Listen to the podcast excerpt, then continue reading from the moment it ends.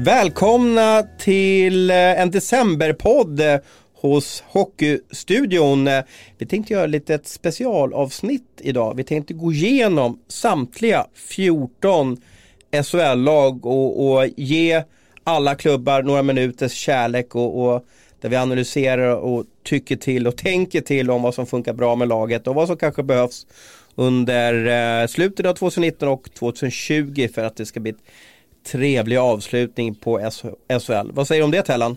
Låter som en jättebra idé, spännande. Sen har vi också en liten nyhet att berätta, kan vi tisa för då. Eh, Du är på väg tillbaka rejält in i hockeyfamiljen.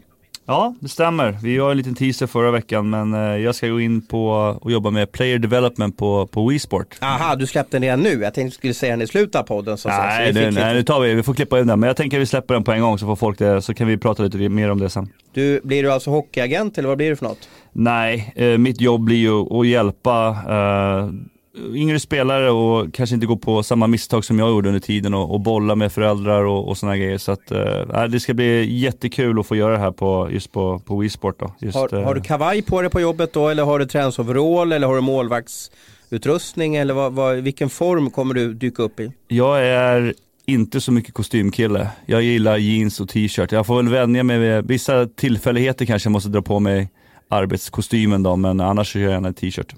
Det här blir väl kul Abris. Då går vi ifrån från att ha Tellan som kollega till att ha en chans att kunna granska honom och se vad, vad han gör i agentbranschen. Ja, jag tycker mest det känns sorgligt att han inte ska vara med oss längre. Så det är lite sådär. Men, men så vi får är det. bjuda in honom måste som önska, gäst framöver. ja, man måste önska folk lycka till här i, i deras... Eh, vi får väl säga att Hockeystudion är en bra plantskola då kanske för, för vidare, vidare karriär. Ja, jag funderar på alla som har eh, gått förbi våran, våran eh, både tv-studio och poddstudio. Då har vi ju bland annat eh, Breitholtz, Garpenlöv, Claes Åkesson. Ja, det är många där. Och, och, Tellan. Gar- ja, och Tellan också. Och Garpen gick det ju väldigt bra för. Han blev förbundskapten. Du kanske blir förbundskapten slut också. Får Är det, är, det någon som, är det någon som är sugen att ta några lediga stolar så kan de ju höra av sig till dig Thomas för att Gar- DM eller någonting och, och säga att plats, de är i, garanterad sugen. plats i finrummet blir det. Men pojkar, 14 lag tar ganska lång tid så vi drar väl igång direkt och vi beslöt innan vi, vi eh, började banda här att vi börjar längst nerifrån i tabellen och då har vi alltså några minuter eh, eh, kärnfull information om Oskarshamn Eh, och jag inleder med att säga att de tog alltså poäng i de första fyra matcherna av SHL. Sen har de två segrar i de sista 20. Jag vill påstå att det är kört för Oskarshamn. De kommer inte klara av något, något kval. Eller de kommer att tvingas att kvala i slutet av den här säsongen. Ja, de har ju haft det lite tufft och det började väl redan på försäsongen tycker jag när de hade en del spelare som var på så kallade tryout-kontrakt som inte fick vara kvar heller utan eh, ja, det kändes redan från början när de det, började sätta ihop det här laget att det vart, vart lite oroligt direkt. Sen hade de som du sa en fantastisk start. Men sen har En bra verkligheten- start i alla ja, fall. Jo men de ledde väl SHL där ja. tag. Det tycker jag väl är fantastiskt för en Ja, nykomling. Så ja. att, eh, man får slänga sig med sådana ord. Så att, eh, efter det så har det väl gått mindre bra. Eh, men jag har fortfarande, de, de har nog tagit mer poäng än vad jag trodde att de har gjort. Skulle ta. Ja, jag känner som Tellan. Jag tycker 20 poäng som de har tagit, det, det ger ändå lite hopp. För, för jag trodde det skulle vara ännu värre om jag ska vara helt ärlig när jag har sett dem i vissa matcher. Så att jag, poängmässigt har de ändå klarat sig rätt bra. Det är ju hemmaspelet framförallt. Man har ju nypit lite treor på hemmaplan och då, då biter det ändå okej. Så man är ju inte, man är inte avsågade på något sätt. Och nu har man väl ändå börjat i alla fall förstå lite grann vad som krävs av en SHL-trupp. Man har ju plockat in Bodie och Engström här på slutet. Man tog Alm och Hart lite senare där också. Så sådär. man gick in med väldigt, väldigt naiv inställning till det här och den truppen som man, som man satte på benen där i augusti det var ju inte roligt och det, det, där var jag riktigt rädd för att det skulle gå käpprätt åt skogen för dem. Nu har de ju ändå räddat upp en del och ändå tagit så pass poäng. De är sex poäng efter Linköping. De kommer inte att undvika kval, det är inte det jag säger, men, men de är i alla fall hyggligt med i racet. Eh, De har haft extremt djupa dalar vid några tillfällen. Eh, De har torskat med 1-7 mot eh, HV71, passande resultat och 0-12 mot, mot Färjestad. De här djupa dalarna, vad tycker ni att det ger för signal? För mig är det inget problem egentligen. Jag, jag, alltså, de, har fokuserat på att försöka vinna hemmamatcher och, och vissa bortamatcher har de i princip gett bort. Och det, det, det, det är bättre att vinna gå all in på några matcher och vinna dem men att hedersam, stapla hedersamma förluster på varann. Så det, det, ser jag egentligen inget, inget problem. Men det visar väl på att man har, man har ju en väldigt tunn trupp och man, eh, man måste gå maximalt varenda match för att, för att vara med. Och de, de dagar det inte riktigt funkar då blir det inte 0-4 utan då blir det 0-12 eller 1-7 och sådär. Så att det, det, det är väl det jag ser i det.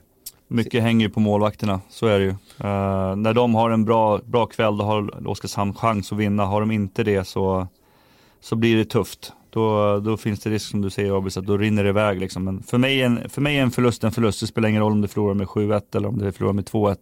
Ibland så kan det nästan vara värre att torska med 2-1 för att man känner att man är så nära. Liksom. Ja. Uh, sen är det aldrig kul att sätta sig på en bussresa, jag vet från, från Karlstad hem till Oskarshamn kan jag tänka mig. Inte så kul att få torska med de där stora siffrorna som varit tidigare. Men uh, nej, de har gjort det, de har gjort det helt okej faktiskt. Uh, jag såg en otäck grej eh, innan vi släpper Oskarshamn här. Jag såg en matchen Leksand-Oskarshamn i torsdags. Och då vart ju Tex Williamson fick en, en eh, pååkning där under matchen. Sen fick han ett backenskott i, jag tror det var sista perioden. Eh, inte så hårt, rakt i huvudet. Han bara lämnade isen och for av. Mm. Och sen visade sig att han fått eh, hjärnskakning. Alltså, tänk vad lite det behövs. Och då undrar man ju hur länge han blir borta. Och ja, du vet ju själv med hjärnskakningar mm. och tjatat om Tellan här att, att händer en liten grej och då gör de ju av med målvakt också. Mm.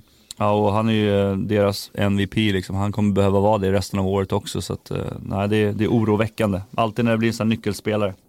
Hur ser du på målvaktssidan Tellan där? Är det, är det text de kommer att gå med tror du? Och är det tillräckligt bra i så fall för att eh, överleva ett kval? Ja, men jag, jag tycker att han, han, han tar steg hela tiden. Jag tycker han, eh, när han var med lite grann med, med Frölunda där förra året så, så kändes det som att han fick jobba rätt mycket med med Martin målvaktstränare i Frölunda jag tycker att han har tagit steg sen jag såg han senast i, i Leksand och, och sådär. Så att, eh, nej, jag tycker att det ser bättre ut. Jag tror att, jag tror att han kommer greja det. Vi går vidare, plats 13 i SHL. Just nu i alla fall så hittar vi Leksand, ett lag som eh, har haft eh, också en bra start som Oskarshamn. Sen hade de eh, sjukt lång förlustsvit nu har de hämtat upp det på slutet men det var torsk igen mot Skellefteå. Hur ser ni på Leksands säsong hittills? Ska jag börja nu då? Ja, kör eh, Ja, nej men alltså placeringsmässigt ungefär, ja vi har ju tippat dem där. Eh, ändå är man besviken på Leksand och sådär. Det är klart, så spelmässigt som det har sett ut i vissa matcher så det är väl det som, som, som är besvikelsen. Och sen har man ju haft ett special teams, då, powerplay och boxplay, som, som har varit fullständigt uruselt egentligen och, och, vill man göra det enkelt för sig så kan man väl säga att där har de ju tappat väldigt mycket poäng. Att de inte har fått ordning på det här. Det var ju dåligt redan även då när de vann matcher i början men nu sista halvan, de här senaste 12 matcherna, om vi delar upp det så, då har det ju varit, jag tror att det är nere på 72 procent eller någonting powerplay och boxplay ihop och det är klart att det förstår ju, det förstår de flesta att då, då blir det tufft att vinna matcher. En spaning här ehm, och den gjorde jag i samband med den här matchen jag såg i torsdags. Ehm, inför den här matchen hade Leksand inte vunnit en enda andra period. Och i andra perioden, ni som kan er hockey, ni vet ju om då att då, då byter man sida. Det vill säga det blir så långt från egen zon till avbytarbänken alltså, som möjligt och så vidare. Varför är de så dåliga i andra perioden? Är det, är det att de är slarviga med bytena eller, eller vad är det som gör att det blir oro? Vad har ni för tankar om den statistiken? Ja, den där är ju svår. Det beror lite på, ibland så är man dålig första, ibland så är man dålig i sista. Men jag vet inte om man vaggas in i någon typ av, att man tycker att man haft en bra första period och så kan man börja slappna av lite grann och sen börjar man hamna i andra perioden där man behöver liksom. Det kan inte vara stökiga byten, långt att åka, man blir orolig, nervös. Det är ju, det, alltså, de här spelarna har ju spelat på den här nivån så lång tid så det borde, det borde inte vara någon nyhet att det blir långa byten liksom. Uh, men det kan vara lite grann att man liksom kör lite långsammare till byten eller vad som helst. Man har inte det här riktiga fokuset i andra perioder. Man slappnar av och man tycker att det kanske är för långt kvar av matchen och vad det kan vara. Men eh, för Leksand gäller det att vara påkopplad varenda match. Liksom. Eh, det som jag är lite inne på där är ju då eh, ledande spelare i laget som jag diskuterat tidigare. Eh, de, de behöver kliva fram. Ja. Och ta mer, ta mer ansvar. Kanske långtidsskada på, på Fransson också då? Ja precis, igen. Eh, så det, nej, det, det, det är tufft. Eh, men jag, jag, tycker det finns andra ledande spelare i det här laget som, som bör Men ge oss några namn nu. nu ska jag sluta så du kan slänga ut mig själv bara det. Nej, jag vägrar. jag Nej, men vägrar. de, eh, Nej, men du, vi vet vilka spelare det är. vågar väl inte, vi vågar väl säga det. Det är ju Patrik Zackrisson har ju inte varit bra. Eh, Rito då har jag haft funderingar på under hösten men jag tycker de sista två veckorna har faktiskt studsat upp. Eller vad, vad säger du Abris? Ja, jag tycker Itola har väl kämpat på ganska bra hela hösten egentligen. Sen hade han ju ingen utdelning i början. Jag vet inte vilka krav man ska ställa på Ritola heller 2019. Men, men på slutet har han ju varit, varit dessutom producerat. Så det, jag tycker väl inte där det är problemet. Nej, men det är väl som vi är inne på. Fransson eh, kommer väl inte undan. Alltså, han tillhör ju en av dem, även om han är skadad nu, som kanske måste kliva fram med. Zackrisson har vi varit inne på.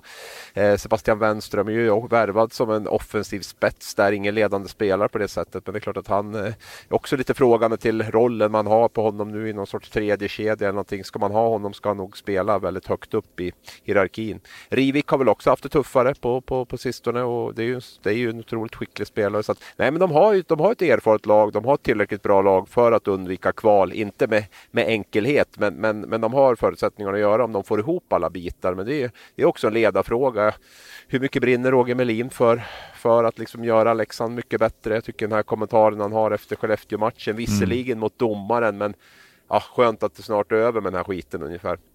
Det, det, det sänder ju inga bra signaler och jag tror att Leksand måste ju ha alla, allting med sig. Allt, det, det går inte att ha något energiläckage, det går inte att man tummar på någonting utan man måste liksom allt måste stämma till 100 procent. Då, då, då har man en chans att gå förbi ett lag som Linköping. Men, men det går inte att, att det är lite halvdant. Det funkar inte.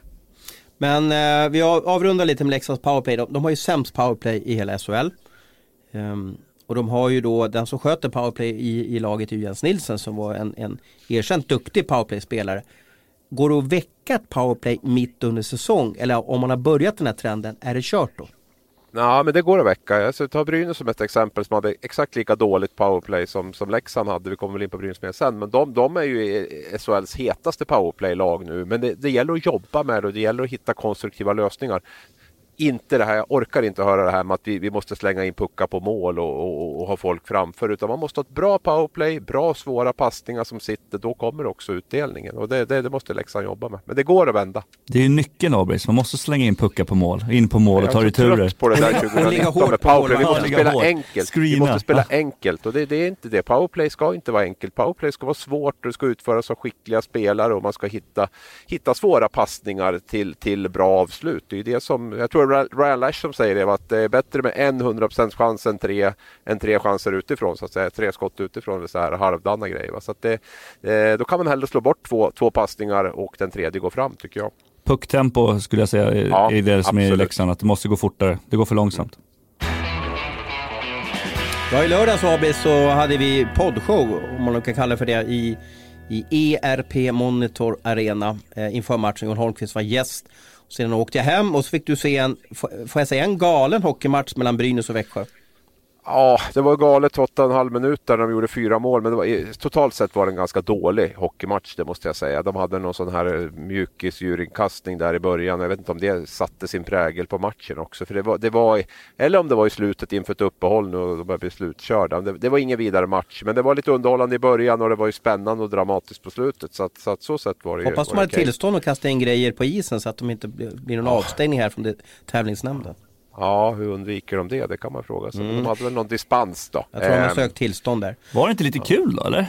Få lite annorlunda. Jag Nej, jag, satt, folk, jag satt i bilen hem så jag hörde bara via radio och då, och då fick jag inte så bra effekt Men av. folk gnällde på att det var för långt avbräck och så. Men det är Jag hörde. Växjöspelaren hjälpte till att ta upp eh, eh, björnarna. Ja, för att det skulle gå fortare. Alla Men... var med och skrapade där och, och, och hjälptes åt. Nej, men det är väl...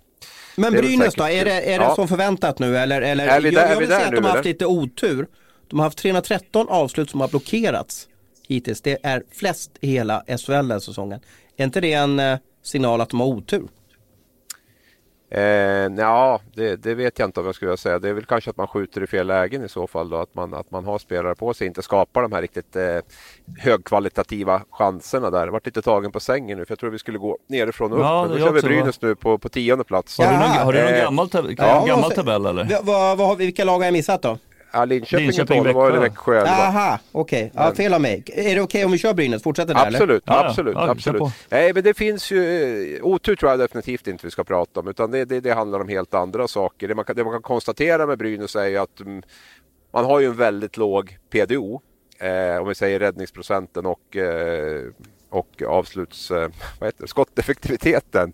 Eh, och de, den, den bör ju stiga om man sitter på sikt. De, de, de kommer att, att, gå upp där. Det talar väl lite grann för dem. Powerplayet var ju jättedåligt i början. Alltså det var ju det som fällde dem till stor del. Det har de fått ordning på nu. Så det finns ju delar i spelet som ändå talar lite åt positivt håll för dem.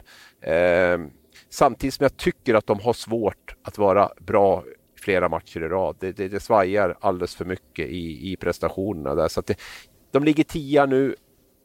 Ja, känslan är att de kommer att hamna där någonstans. Alltså mellan nionde och elfte plats någonstans tycker jag det känns mm. Fast både de och Växjö har ju bra underliggande statistik men, men inget av lagen mm. reser väl sig ordentligt.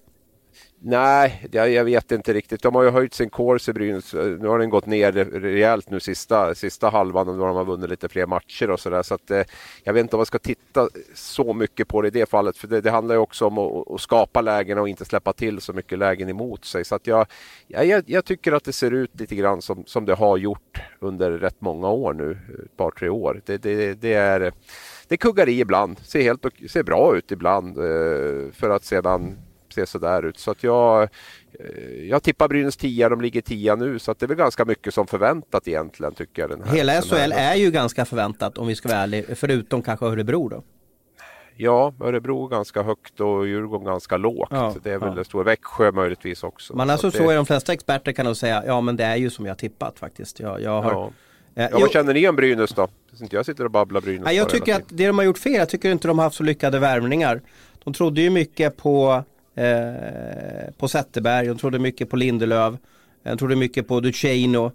Eh, jag tycker inte att de har eh, levererat och, och Zetterberg är väl han är väl utlånad tillbaka till, till Västerås igen och han, han hade otur med, med någon typ av hjärtproblematik där jag hoppas att det går jättebra för honom nu att han får en, en trevlig säsong då. Men det känns som att de har kanske inte gått på några riktiga säkra kort då. Sen har ju Skott kommit hem och så vidare va? och det är ju han levererar väl alltid. Men eh, ja, lite frågetecken för dem om, om nyförvärven gjort laget bättre. Nej, det har väl, det har väl varit, varit lite rörigt sen, eh, sen de bytte namn på arenan. Så vi kanske ska byta, byta tillbaka då kanske. Ja det är ju faktiskt, det vart ja. som ett eh, det vart som en voodoo-docka liksom mm. det där att det där vart inte så bra. ERP-grejen. Uh, nej. nej. men alltså, jag har inte så mycket mer att tillägga tänker jag på, på Brynäs. Jag, jag önskar att uh, Nicky Danielsson kan lösa in uh, lite mer mål uh, än han har gjort. Han har ett fantastiskt fint skott och använda honom ännu mer i, i powerplay skulle jag vilja göra. Men det är väl typ det som, som jag kan känna just nu. Och sen det är väl samma där med, med tränarsidan, hur är den inför framtiden? Jag vet inte. Jag funderar på hur gruppen mår också. Mm. De, jag vet inte 17, jag sitter ju inte i deras omklädningsrum varje dag men de har inte vänt en enda match efter legat under i första perioden. Och då för mig, då saknar man någon jäkla anamma. Det vill säga att det finns ingen som skäller ut gruppen eller liksom nu, nu, nu ska vi vända det här utan, utan det känns lite uppgivet. Då. Det blir lite here we go again känslan liksom. Jag tar en snabbis där bara också just med, med det jag glömde att säga är väl också att man hamnar ju, vart ju väldigt schizofrent när man gick in i ett spelsystem som man skulle vara positivt och spelförande och, och det funkade ju inte alls liksom och, och, man har nu backat tillbaka så jag tror att det också har varit, har varit bidragit till att det har vinglat så mycket under hösten. Nu ska vi se om jag har fått bort haschångorna från min hjärna och kan läsa tabellen på ett korrekt sätt. Linköping, eh, är rätt ute då pojkar? Nu är det rätt. Nu är vi med i matchen igen. Frågan efter din parkering bara, om hur mycket, hur mycket ja, haschånger du har. Du ska det, se den ja, ta en bild på den Ja, det har varit en stressad morgon här. Det, det, det, har inte varit en bra morgon för mig det här, men det, får vi ta. Så är det i Stockholms djungeln när man ska åka bil på, på morgnarna, på måndagmorgnar i Stockholm. Äh, det är ingen lek. Jag får åka ännu tidigare nästa måndag för att uh, vara, vara superförberedd på allting. Linköping. Eh, vad säger ni om dem då? Precis som Brynäs har de haft väldigt mycket spelare ut och in. Fyra spelare in och fyra ut. Eh, Niklas Persson, genom managern, har jobbat stenhårt. Eh, vad tror vi om dem? Är de på rätt plats eller kan de göra någon resa uppåt eller neråt och vad, vad är fel i laget? Jag tror inte att de kommer lyfta så jättemycket mera. Eh, däremot så gillar jag lite grann det som, som Niklas Persson är inne på, det här med att bygga gruppen, det här, de spelarna som inte vill vara kvar, då skickar vi vidare och de, de spelarna som inte tar på sig och spelar för, för skölden som man säger och såna grejer. Så att, uh, där tycker jag är helt För rätt. lejonet. För lejonet, precis. Uh, är ju lite annorlunda, men jag tycker fortfarande de är väldigt, för mycket beroende av uh, Jonas Gustafsson i målet, tyvärr. Eh, och li, väldigt orolig om han skulle gå sönder faktiskt. Han ser helt slut ut efter matcherna. Det, vissa mm. spelare kanske gör det och vissa gör det inte. Jag hade någon, en annan spaning där eh, på, eh, kommer du ihåg när vi var i Örebro så skulle jag prata med alibi-intervju med Dominic Furz efter matchen. Ja, det vet man ju aldrig förrän efteråt. Den kunde ju ha blivit. Ja, nej men så är det. Och så, jag har ju inte pratat med honom tidigare. Det här är bara en, en, en, en bigrej. Men så vänder jag mig om och så står det liksom en, en kille i en träningsförråd som jag inte riktigt känner igen. Och helt oberörd. Han stod ett, precis avslutat en SHL-match. Inte en svettdroppe, varenda hårstrå är perfekt. Han har inte duschat eller någonting sånt där. Han, den här killen måste ha en puls på Gunde Svan-nivå. För han verkar inte bli upphetsad någonting. Men ser man monstret Jonas Gustafsson efter en match så är han ju helt färdig. Han ser helt utmärglad ut. Det har vi sett hur de spelar tänkte jag säga. Han får jobba fram och tillbaka. Ja, kanske Dominic inte behöver jobba så mycket men ändå stå med tunga skydd där och så vidare. Det här var bara en sidogrej mm. men, men ja, eh, Jonas Nej, jag, jag, jag, känner med Linköping, jag hade inte förväntat mig något sån här propagandaspel alla Färjestad, absolut inte. Men jag, jag hade förväntat mig lite mera Alltså att du skulle vinna matcher mer på karaktär, hårt jobb, liksom vara lite jobbigare att möta. Jag tycker att jag tycker att Linköping känns lite grann som man har gjort tidigare fast man inte har den här skickligheten nu heller. Man är, man, Linköping har ju alltid känts som ett ganska mjukt lag och, eh, men man har varit skickliga. Eh, nu, nu känns man fortfarande som det här lite mjuka laget och så har man, har man ju successivt tappat den här skickligheten genom året med, med, med ekonomi och allt vad det har varit. Så att, ja, jag är lite, samtidigt ska de få, få lite mer tid där eh, och, och, jobba in det. Men det jag är besviken på med Linköping är att jag tycker det, det, det är ingen riktig edge på, på, på grejerna utan det, det, är, eh, det är mjukt. Patrik Lund, Åtta poäng på 20 matcher. Ja, kom igång nu. Så han gjorde ju 2 plus 1 när jag såg dem mot eh, Skellefteå mötte dem tror jag. Så det var väl, en, var väl direkt avgörande till den segern där. Så att förhoppningsvis då att han ska komma igång lite mer. Det hade inte förväntat mig att han kanske skulle leda Linköping. Absolut inte. Han är ju inte den spelaren. Men det är klart att jag hade trott att han kunde producera lite mer. Men det kanske är KL-sjukan som, som har suttit i här under, under hösten. Vi hade ju Niklas Bergfors som var där i Linköping också och eh, inte gjorde någon glad efter sin var i KL. Du pratade om att Leksand skulle missa kvalet, förstod jag det rätt då Abris? Eh, nej, men jag tippar Leksand till kval. Men jag sa att de har, de har ett lag som är tillräckligt bra för att ha ett lag som Linköping efter sig. Är det Linköping du tänker på att, att, att, eh, att, att Linköping kan åka neråt tabellen? Är det så du ser på Ja, det är ju lite grann så jag känner det. Det var ju så man tippade inför serien också. Det finns väl ingen större anledning. Det är klart att Växjö, Brynäs och de här får ju inte hålla på och krångla till det för mycket. Inte Malmö heller för att inte bli indraget i det. Men som, som jag har känt senaste, ja egentligen senaste månaden här så är det ju liksom Linköping, Oskarshamn och, och Leksand. Det är de tre som det kommer att stå mellan om, om kvalet där.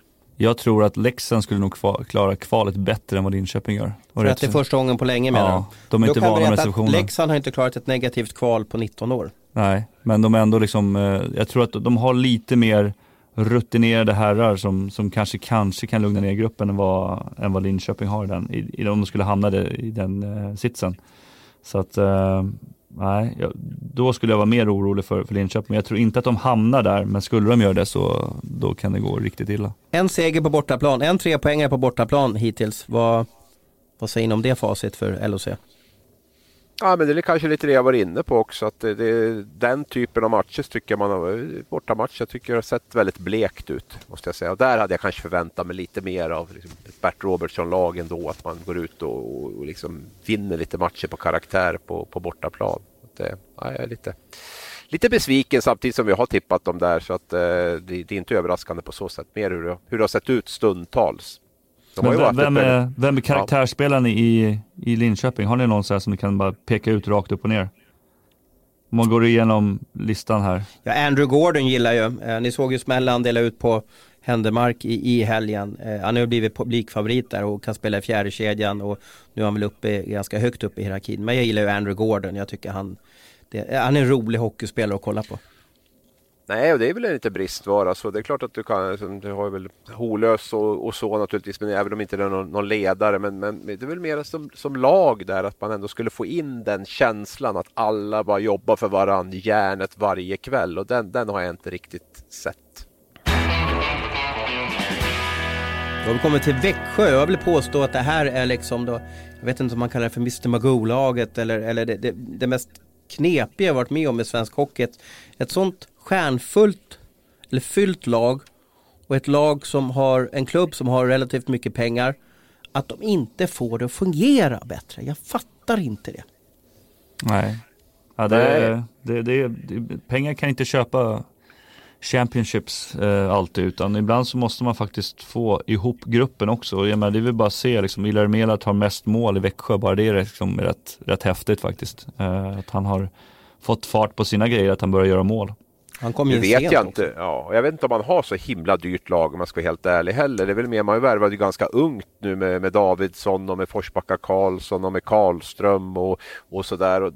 Det är väl mer att jag tycker inte att man får ihop det riktigt heller. Man, jag, jag vet inte om man har något topp fyra lag på pappret om jag ska vara helt ärlig. Jag tror inte att det är topp fyra kanske. Ja nu möjligtvis med de här finländska backarna så börjar ja. man väl närma sig topp fyra ekonomiskt också. Va? Men problemet som jag ser med Växjö är ju Växjö har alltid varit ett sånt lag som har varit ganska så här kontrollerat, spelat ganska långsamt, alltså styrt matchbilden ganska mycket genom att stor skicklighet. Jag tycker inte att man har den skickligheten som man har haft med Robert Rosén, Elias Pettersson, Janne Pesonen när han var som bäst. Eh, man har inte det laget och nu, nu är det som är kvar lite grann är det här fortfarande att det är lite, det är lite mjukt, det är lite långsamt, det är lite kontrollerat men det är ingen, det är ingen edge i det på, på, något sätt. Jag såg dem nu mot Brynäs här också. Nu var väl Hallam inne på att de gjorde en dålig match och, och det, det, såg inte jättebra ut. Alltså det, det, det gör inte och jag, jag har svårt att se att de kommer att lyfta till den övre halvan eh, med det lag de har och hur det ser ut.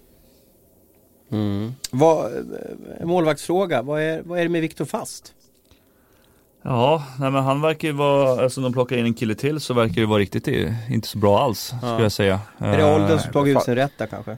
Ja, jag, jag har faktiskt inte hört någonting vad, vad det kan vara för någonting, men menar, han, han börjar ju faktiskt bli äldre, så det är väl inget 37 konstigt. år. Vi har väl en annan målvakt i, i Färjestad också som börjar visa tendenser på att han börjar bli äldre också i, i Mackan Svensson. Så det, det här är ju naturets, uh, naturets lopp liksom, men uh, nej, han har inte riktigt sett, sett ut som han brukar göra, så någonting verkar ju vara som ligger och stör honom.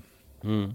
Nu, nu har ju Fast varit tillbaka som backup. Andrén har ju faktiskt spelat bra. Han har spelat in ett mål på två matcher där tror jag mot Oskarshamn och Örebro var det väl tror jag. Det var spelat riktigt bra Viktor Andrén faktiskt. Nu såg det väl ja, okej okay ut mot Brynäs Andreas tredje match där. Men, men eh, så att, att Fast inte har spelat nu på slutet det beror nog mycket på att Andrén faktiskt har varit, faktiskt varit bra. Mm.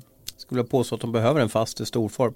Eh, de har ja. sämst eh, penalty killing man ska ju inte säga boxplay ja. lärt mig. I, i, I serien. 27 insläppta mål. Eh, magiskt dåligt. Jag fattar inte att de inte får ihop det. För jag, jag kan tycka att det där handlar om karaktärsspelare och smarta spelare. Jag tycker att de, de, de har ju det laget. Jag, hur, ja. hur, ska vi hjälpa dem att få, få igång så att inte de släpper till så mycket mål i, i, i, i penalty killing? Fast, fast har de det då? Har de karaktärsspelare? Melart, ja. Ja, Rahimi borde ju vara ja, duktig. Två. Erik Josefsson är ju också en sån spelare, Kinnimin är inne. Alltså det, jag håller med Thomas där. Jag tycker också att de har, alltså det, jag gnäller på Växjö att de inte har någon edge, men de, de, är ganska taktiskt skickliga. De har en hel del spelare som borde kunna göra det där jobbet. Jag tycker det är ett, eh, ett debacle, eh, ett rejält debacle av dem. Som du säger, 27 mål. Jag skrev utropstecken bakom det i boxplay. Jag hade själv med det på min lista. Det är ju, det är ju enormt dåligt liksom. Det är ju det, det, det, och det ska inte vara Växjö. Jag kan köpa att man kanske inte får till offensiven riktigt men att man släpper in så mycket boxplay är ju är inte okej. Okay. det vi har sett på bilder från matcher och sånt här med boxplay har ju varit enormt virrigt. Inte minst på andra puckar och, och, och, och där, där, man har fått uh, helt öppet motståndarna. Så att, nej, det förvånar mig. Faktiskt. Hur får man igång ett bra eh, penalty killing då Tellan? Vad, vad är nyckeln där? Du som har stått längst bak och försökt att ta puckarna.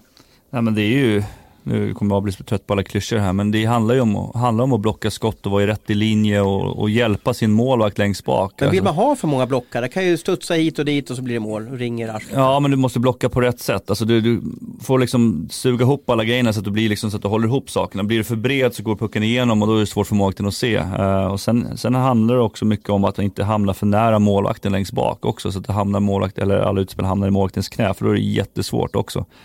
Och det kan ju vara någonting som de har känt lite grann det här med att de kanske inte litar 100% på sina målvakter. Då blir det rätt lätt att man faller tillbaka med allting och så går pucken igenom och så ser inte målvakten så blir det liksom, det blir bara fel.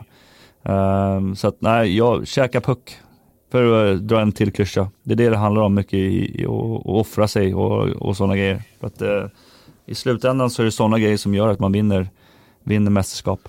Men du som är vår avancerade statistikexpert Abist, visst talar Växjös siffror för att de kommer göra en resa uppåt tabellen det har ju gjort det, men det har ju också gått ner rätt rejält på slutet där med, med, med den här korsen. Och sen är ju, var någon som var inne på det med korsen där, att det har ju blivit lite så här modegrej så att, som alla vill ha upp numera. Så att den är, man, man skjuter lite mer för att få upp sin korse för det ser bättre ut. Va? Så att korsen kanske inte är riktigt, riktigt lika avgörande det här året. Det handlar kanske mer om hur, hur, hur mycket heta lägen skapar Växjö. Jag såg någonting på Hockeylabbet där att man, man, har ju, man är ju sämst när det gäller antal passningar i anfallszon och sådana saker. Så att, nej, jag, jag är inte lika säker som jag var tidigare år på att de kommer att lyfta på grund av någon, eh, någon underliggande statistik. Däremot så bör väl boxplay, boxplay bör ju bli bättre i alla fall så man kanske kan få några poäng extra där. Målvaktsspelet kanske kommer upp lite grann så det, det, finns väl sådana saker. Men, men spelmässigt Ja, jag är inte så säker på att det finns så mycket som talar för det. Men ska Växjö acceptera det här att för andra året i rad då inte vara mer långt fram i slutspelet? För mig är det liksom en storklubb med, med den arenan som finns som genererar mycket pengar med, med, med de ekonomiska musklerna som finns. För mig är det oacceptabelt att Växjö är så långt ner.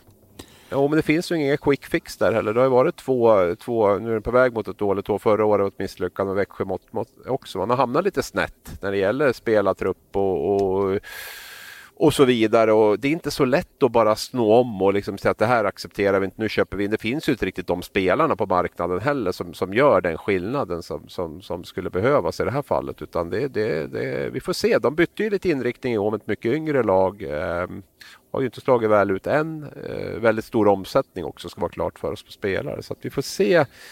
Jag tror att det kan bli ytterligare en säsong eh, ja, misslyckad med Växjö mått mätt.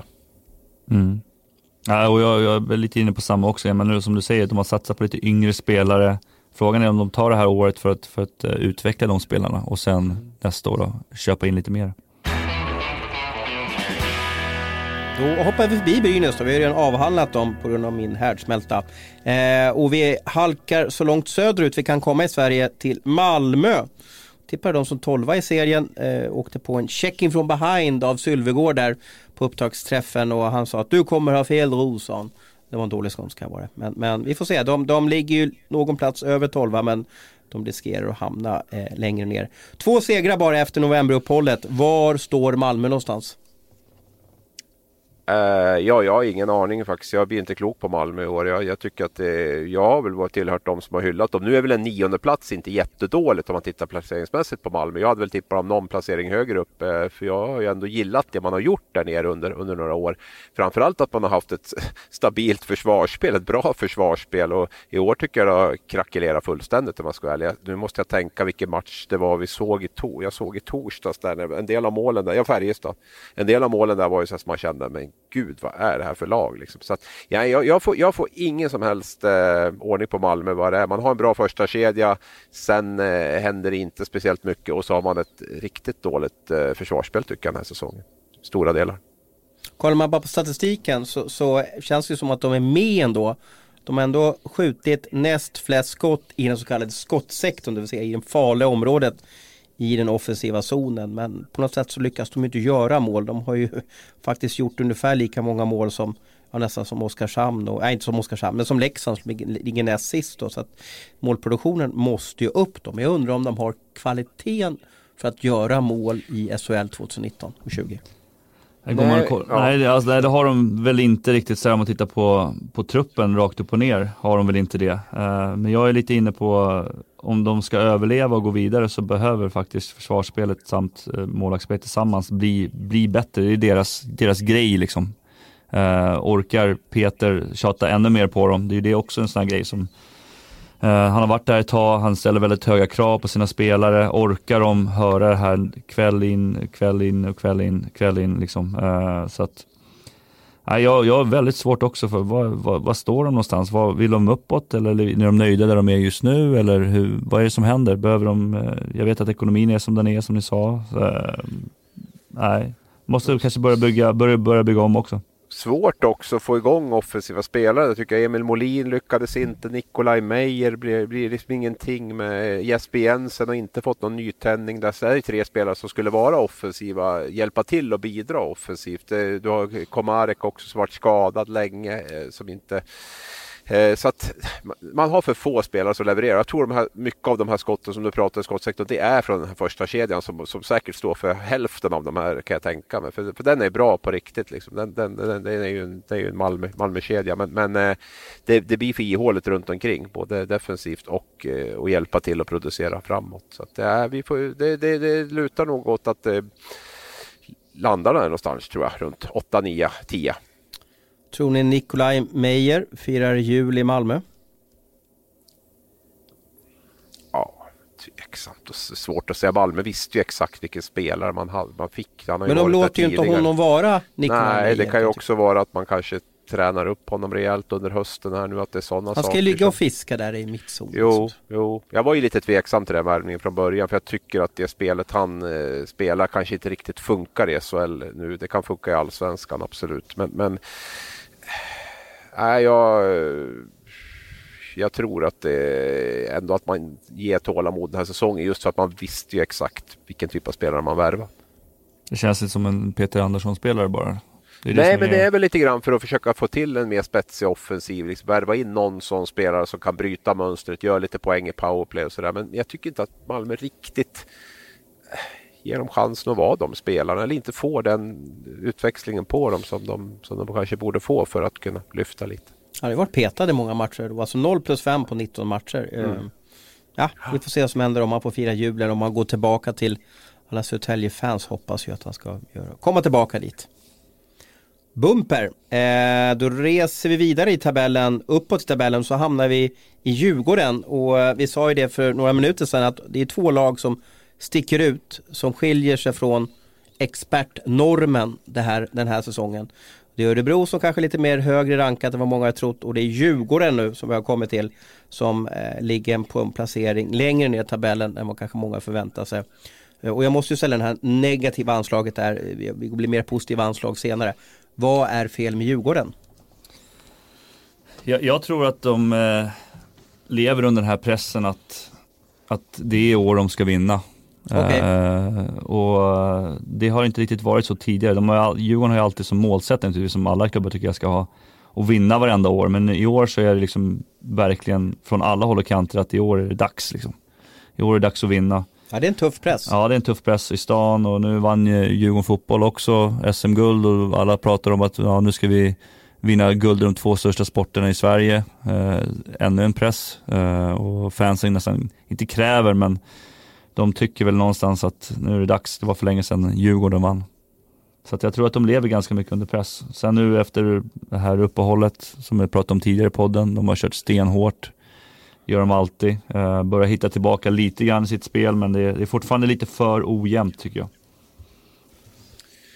Ja, eh, jag har pratat så mycket så tänkte nästan låta dig prata lite nu Ros. Men eh, nej, men det, man, man hade ju en bra start poängmässigt fast man inte spelade speciellt bra. Sen kom Jakob Josefsson-skadan och sen var det rakt ner i källan och sen har det ju sett lite bättre ut igen tycker jag ändå på, på slutet här.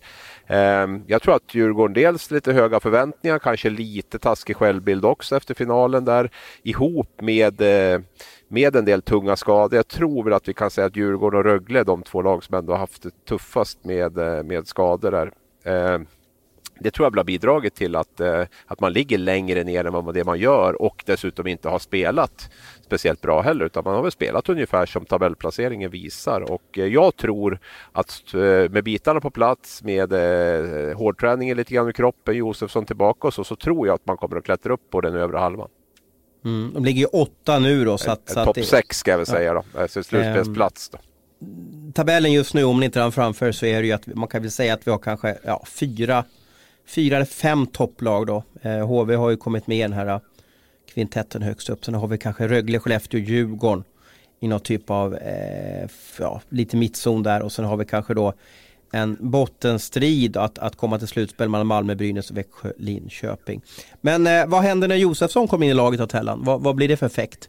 Vad händer då när, när den bästa spelaren är tillbaka? Nej, men han är ju vet du, definitivt en MVP i det laget och det märks ju naturligtvis på spelet. Någon som kan hålla i pucken lite extra, någon som kan ställa det här lite extra kravet kanske på, på Berglund och de här andra toppspelarna som finns. Vi har ju Marcus Högström som, som inte än har gjort ett mål, eh, också som kanske ligger och hade hela året förra året förstört på grund av skador. Eh, kan han komma igång lite här efter, efter jul och nyår så är det naturligtvis ett jättelyft eh, för Djurgården. Jag menar Hultström har börjat lösa in lite mål också så att kan de få igång båda de två backarna så, så ser det ju positivt och ljust ut för Djurgården. Hultström lyfter ju när Dick kom in, då kanske Högström lyfter när Josefsson kommer in. Då. Du ser, va? Då har de två, två powerplay som går igång. Herregud vad bra. Hur ska vi få igång Tom Vandell? Fyra poäng hittills.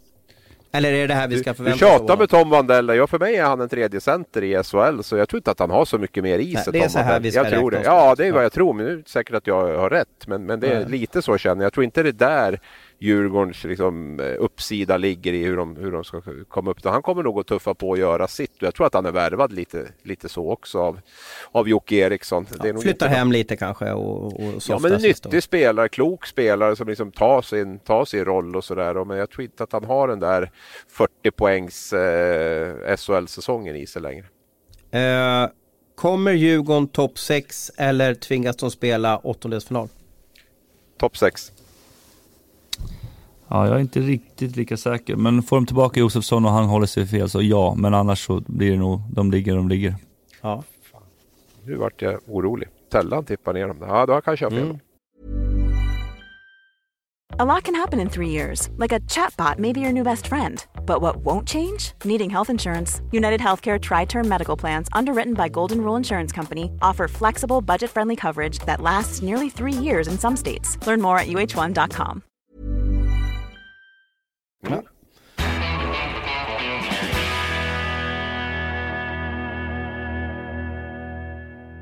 Eh, vi tar flyget upp till Skellefteå. Som vanligt när vi pratar om Skellefteå så har de ett fantastiskt powerplay. Det, det ligger i deras DNA där uppe att ha ett grymt powerplay. Men har man spelare som Lindström, Möller, Pudas och nu har även Frodén tryckt dit många mål då. Eh, är det bara powerplay som gör att de är så här bra, Gobber? Eh, Jag skulle säga gubbar, men det blev, det blev gabbar. Blev det. Grabbar. Ja men det är ju naturligtvis deras styrka, eh, powerplayet. Så att eh, det är ju alltid farligt när de här grabbarna är igång. Eh, ja, ju, just nu så, så är det ju powerplay som räddar dem lite grann. Så är det. Eh, de, de är också lite ojämna. Det är lite det här, jag vet att Abris, du har varit inne på det tidigare, det är lite, lite skönt att Bert försvann men nu är det lite jobbigare kanske i eget försvarsspel och, och sådana här grejer. Så att, eh, Ja, jag vet inte riktigt vad man har Skellefteå. Nej, jag- ibland, jag- ibland så är det jättebra och ibland så är det så här wow, vad händer här liksom? Ja, jag får ingen riktig puls liksom av Skellefteå, det kan jag säga. Jag, jag, jag, jag tycker inte att det... Mm, jag tycker den här sjunde platsen de har nu, kan de hålla den då, då ska de vara nöjda tycker jag. För jag, jag, jag tycker inte att det slår några, några riktiga gnistor. Jag tycker de har tagit rätt mycket poäng. Jag har inte sett alla matcher, det ska jag villigt erkänna med Skellefteå. Men det jag sett så tycker jag ändå att de har poängmässigt gjort det ganska bra faktiskt. Tagit, tagit en hel del poäng. För, för de matcher jag sett så tycker jag inte att det har har inte varit några eh, klang och jubelföreställningar. Och, Nej. eh, det, är lite, det är lite det här fortfarande, lite grann Möller, Lindström. Nu försvinner fyra spelare fort till, till JVM här också. Fyra forwards. Hur kommer det att se ut då? Ehm, ja, så jag, har, jag har mina, mina frågetecken. Jag vet inte riktigt om tränarstaben, om det går hundra i takt där. Jag vet inte hur Erik Forsell funkar som sportchef för A-laget där uppe. Hur det, hur, det, hur det ser ut på sikt här nu. Jag, jag hoppas ju att Skellefteå eh, kommer att göra det bra även i framtiden, men jag är inte, jag är inte helt hundra. Nej, och fyra, alltså tappa fyra spelare till JVM. För några år sedan så hade man ju då, tappade man två spelare till JVM så hade man rätt att flytta matchen. Men man undrar lite hur, hur eh, Skellefteå ska lösa det här. Eh, jag vet inte hur många juniorer, nu såg jag deras J20-lag faktiskt i fredags. Och om det var det bästa de hade utanför sitt A-lag så kan nog inte Tommy Samuelsson räkna med att ha allt för mycket att att fylla på med. Nu är JVM spelas ju tack och gud i Europa så att det är ganska lätt för pojkarna att åka hem om de åka ut i en kvart då. Ja, det, vi ska väl säga, de, de gick väl inte till den här topp 10 i super eller super- i 20-serien. Där det är klart att det kan vara oroväckande. Samtidigt ska vi säga att Skellefteå har gjort något av en omstart också. De, de behöver ju få, få tid och som jag säger sjunde plats i serien. Herregud, det finns nog en fem sex lag som skulle vilja byta med, med Skellefteå just nu. Så att det är ju, de har ändå tagit, tagit sina poäng och eh, vi får se var den här resan bär någonstans som, som eh, Niklas Lundqvist och Erik Forsell och, och klubben har, har inlett. Då. Men det är väl lite oroväckande om eh, juniorlaget inte går så bra liksom. Vem ska Ja, det fylla där på kan ju efteråt? ha olika. Ja, det kan ju ha olika. Men nu har de fyra juniorer uppe i A-laget också. Det kan ju spela in väldigt mycket. Du har kanske vissa andra spelat- klubbar. Ja, Alltså, Hade de spelat mot, jag såg ju matchen mellan Leksand och Skellefteå här i, i fredags. Eh, Jag tror Leksand vann med 7-1. Bä- Bäst i Skellefteå var, var eh, Bert Robertsons pojke Simon, född 03, yngst på isen. Han var bäst i det laget. Men, men visst, hade de haft sina fyra juniorer i den matchen så hade de förmodligen kört över Leksand. Ja, och de som vinner slutspelet i 20 är oftast de lag som åkt ur, klubbar som åkt ur SM-slutspelet för seniorer. Då får de ner sina, sina spelare dit och så vinner de. Ofta är det ju så. så att det, det, det, men, men, men på sikt så är det klart att det, det gäller ju att, eh, att, de, att de får upp spelare där eh, från egna leden. För det tror jag är en nyckel till Skellefteå. Ska de börja värva in spelare, eh, ja, hela truppen från, utifrån så tror jag att det, då blir det inte bra. Och det blir dyrt om inte annat också. De ska bara Ja, börja ja. köpa in spelare som, som ska trivas där uppe också.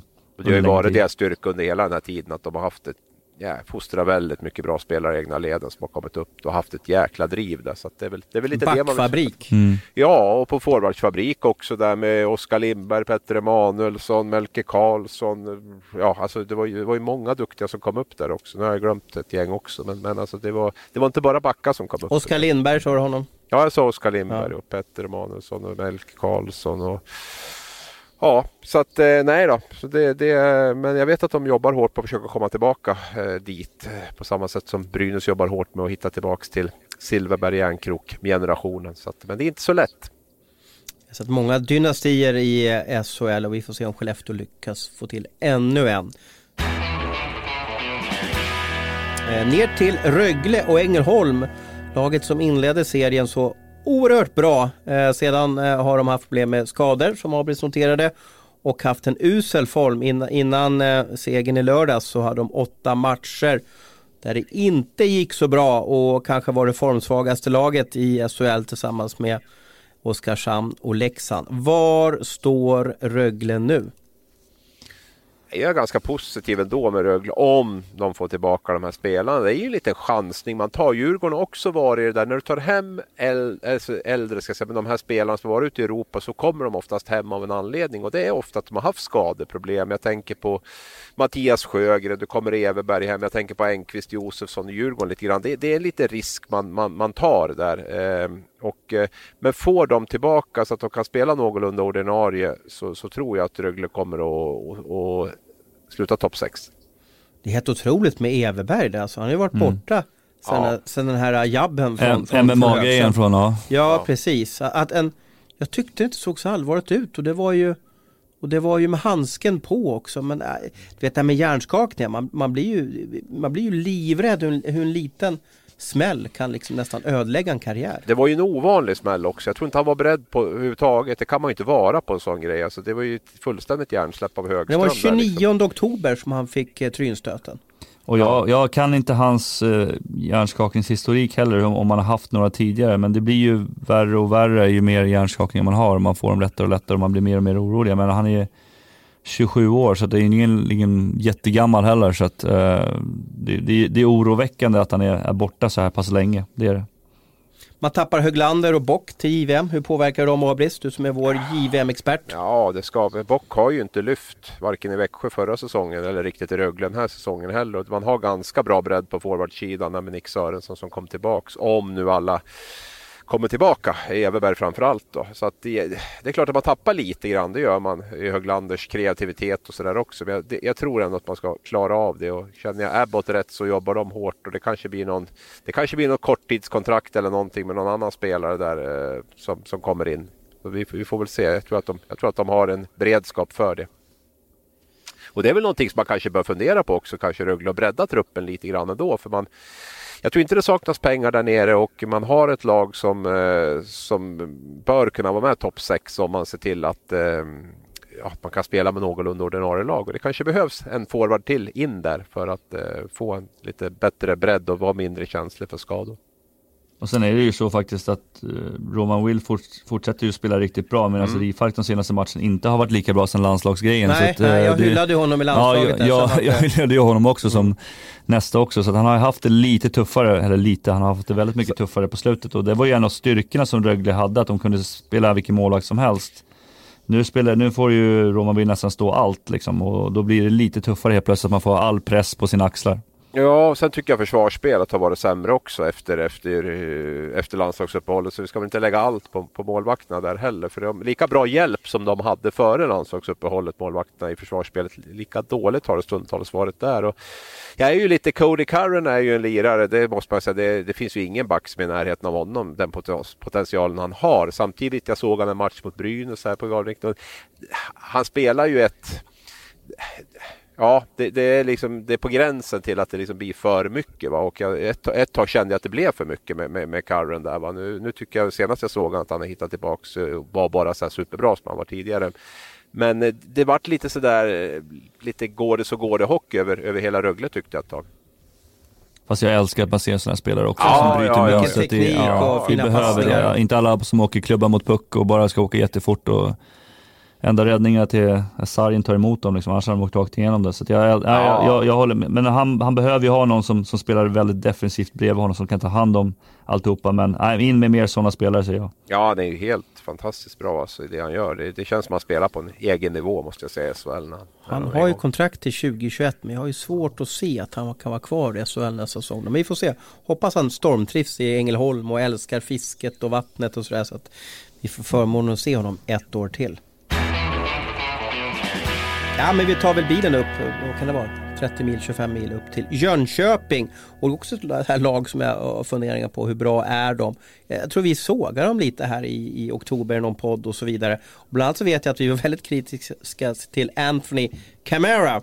Han inledde SHL-säsongen med sju raka nollor, det vill säga inte en poäng på de sju första matcherna. Och efter det så, så har han gjort en poäng i match per snitt. Um, och det är väl Axel Holmström också, var inte han på väg någonstans annanstans? Vi, vi var båda kritiska till båda de spelarna, men de har verkligen steppat upp båda två.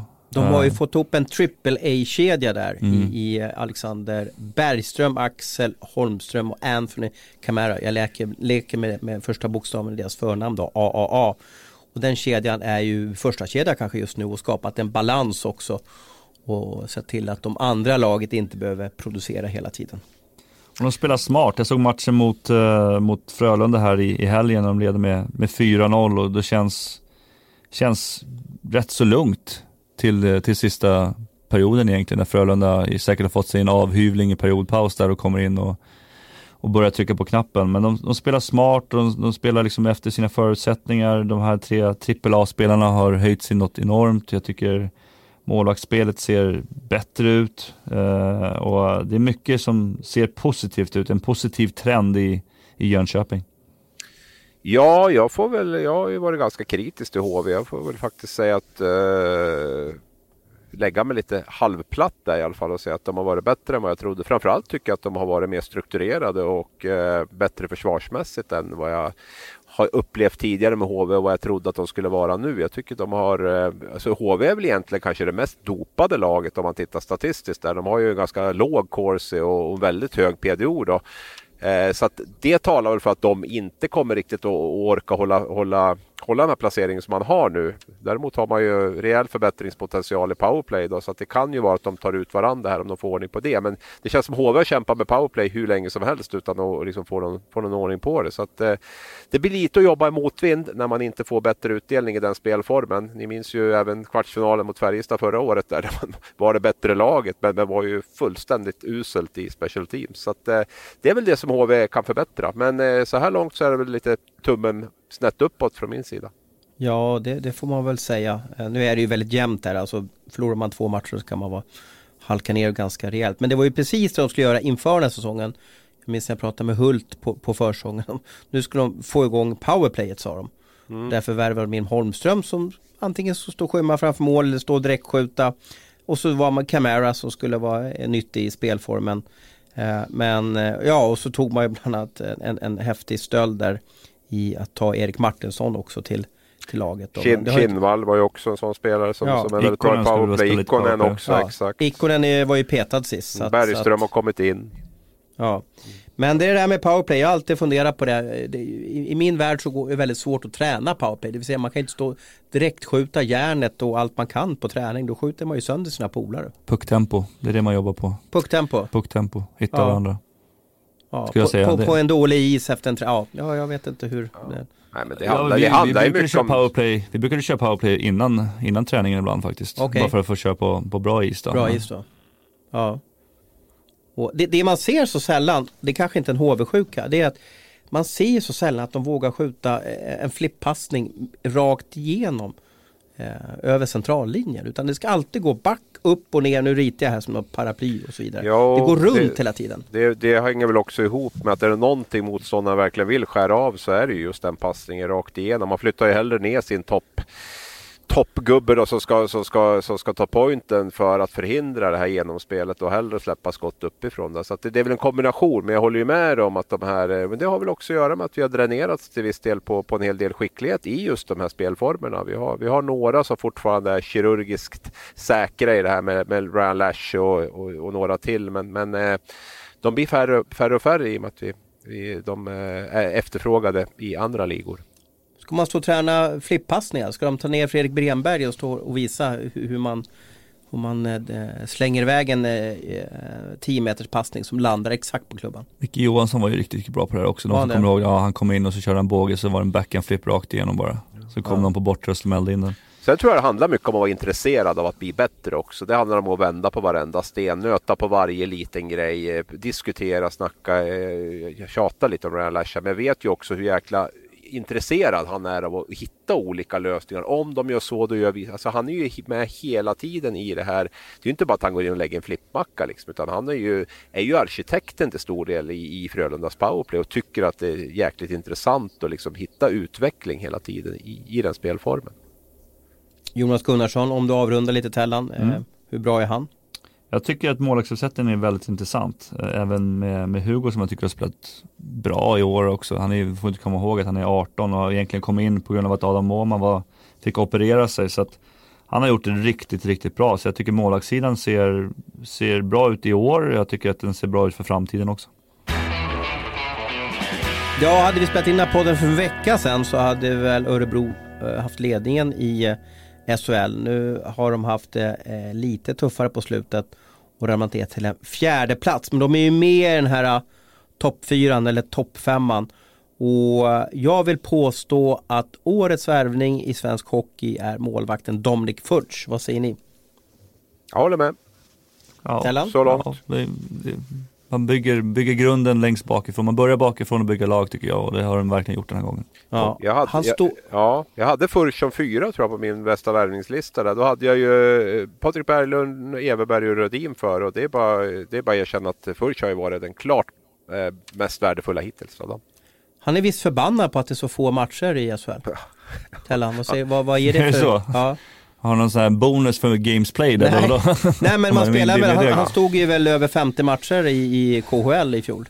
Ja, ja. Han, det var de uppgifter jag hade. Van att spela mycket och sen är det ju så mycket resor i, i KHL. Jag tänker på det, Örebro måste ju vara drömlaget att spela mm. i rent resemässigt. Det känns som att det, ja, det är Skellefteå och Luleå är långt till. Övrigt så har de så här 25-30 mil, lite längre ner till Skåne måste jag säga. Men, men det, det måste vara otroligt tacksamt resemässigt att spela med Örebro. Min, papp, min pappa sa alltid, vi borde flytta till Örebro, då har man två timmar till allt. Du ser. Ja, du ser, det kanske är därför. Nu ringer de Men det, det verkar som att de har någonting riktigt bra på gång. Men ni, ni, ni två har ju dragit fram massa värvningar nu sista tiden också som, som är på väg dit också. Så de kanske är på väg att starta någon dynasti där också i Örebro kanske? Ja, eh, de är intresserade av svenska spelare. Mm. Bygga en, en, eh, en kärngruppering av svenska spelare. Eh, sedan så har ju Örebro blivit straffade genom åren att många har snott spelare tidigt från dem. Så nu tror de har gett sig fan på att nu, nu ska vi vara tjuvarna. Nu ska vi ligga ute väldigt extremt tidigt att eh, ta stjärnor från de andra lagen. Ja, och sen tror jag att man har hittat en, en attraktiv tränarstab också. Så man känner att de här kan vi, de här kan vi ha tre, fyra, fem år. Och eh, även spelare tror jag ser att eh, det finns stora förutsättningar att bli bättre där. Och det, det, det underlättar ju en långsiktig satsning också på något sätt. Så att det, det, det, det, finns saker som talar definitivt. Det som mesta tycker jag är att man har fått lite ordning på, på tränarstaben där och eh, det talar ju för att det kommer att bli helt, eh, kommer att bli bra de kommande åren.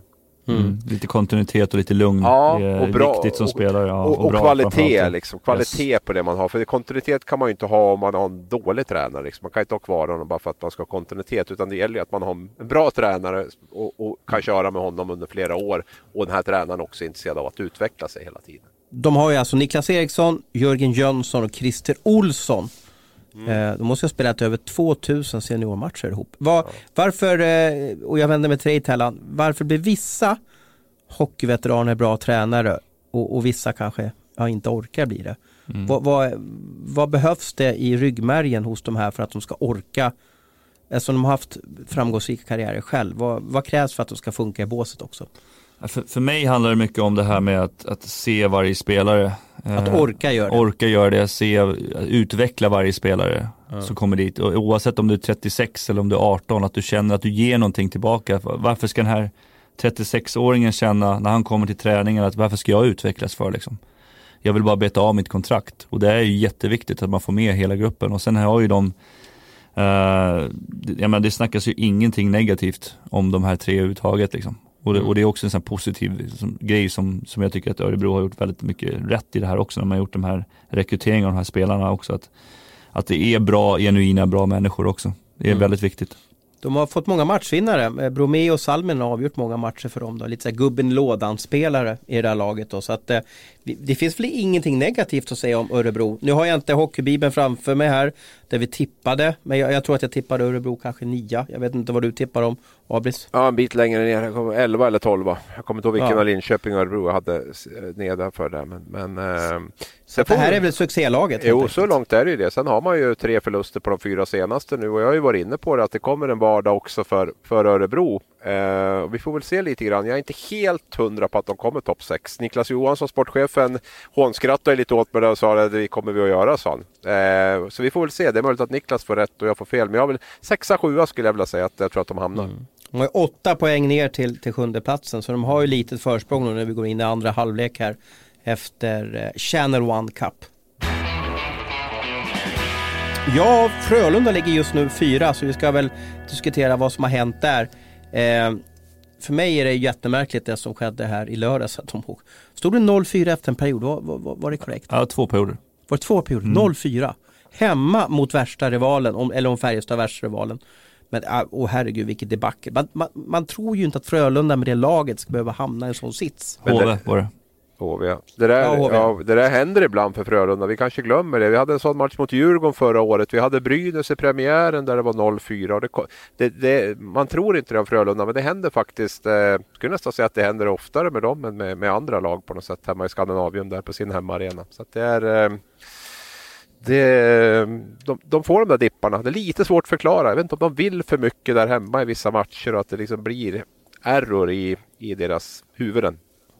Ja, men de, glöm, de glömmer, de tänker väldigt mycket framåt. De vill väldigt mycket producera som du säger. De vill väldigt mycket producera på hemmaplan och då glömmer de lite bakåt. Det var ju några mål där det var Rubin fick göra en räddning och sen mm. slog de in returen och Tre, det känns, kom två ja. mot noll och Rubin räddade och så kom tredje gubben och fick slå in returen. Precis, så man ser tre Frölunda spela backcheckar, de glider tillbaka. Det känns ja. väldigt liksom in, icke Roger Rönnberg-hockey liksom. Så att, uh, nej, vet inte. Det, blir, det är som du säger, det blir lite bakslag ibland. Men det den matchen kändes inte som en Frölunda hockey överhuvudtaget. Och sen gick ju Ryan Lash sönder till, till exempel också. Så att mm. den, är ju, den är ju jäkligt tuff alltså, om, om de tappar honom en längre tid. Sen tror jag en del av förklaringen också, ska inte skylla på det på något sätt, men de, de kör hårt med COL också där, vill verkligen vinna där och gå ganska all in i det. De, de har ganska mycket under, under hösten här med hög, hög presterande. De har ju fått kämpa rätt rejält också i den här COL för att eh, för att ta sig vidare. Fick ju jättedålig start och förlorade stort borta mot Färjestad. Har liksom fått slugga sig kvar i, i CHL hela tiden och lyckats så här långt. Då. Vi får väl se om de kan åka ner till Schweiz och, och, och vända igen då. Eh, vi måste ändå hylla Frölunda. Det här är alltså sjunde säsongen i rad de ligger, ja nu ligger de i fyra. Två eller tre. Som, ja, som, mm. som de är topp tre i svensk hockey. Ja, det är, det är de åren Rönnberg har varit där så det är otroligt imponerande. Han har ju bara andra och tredje platser där i, i, i serien.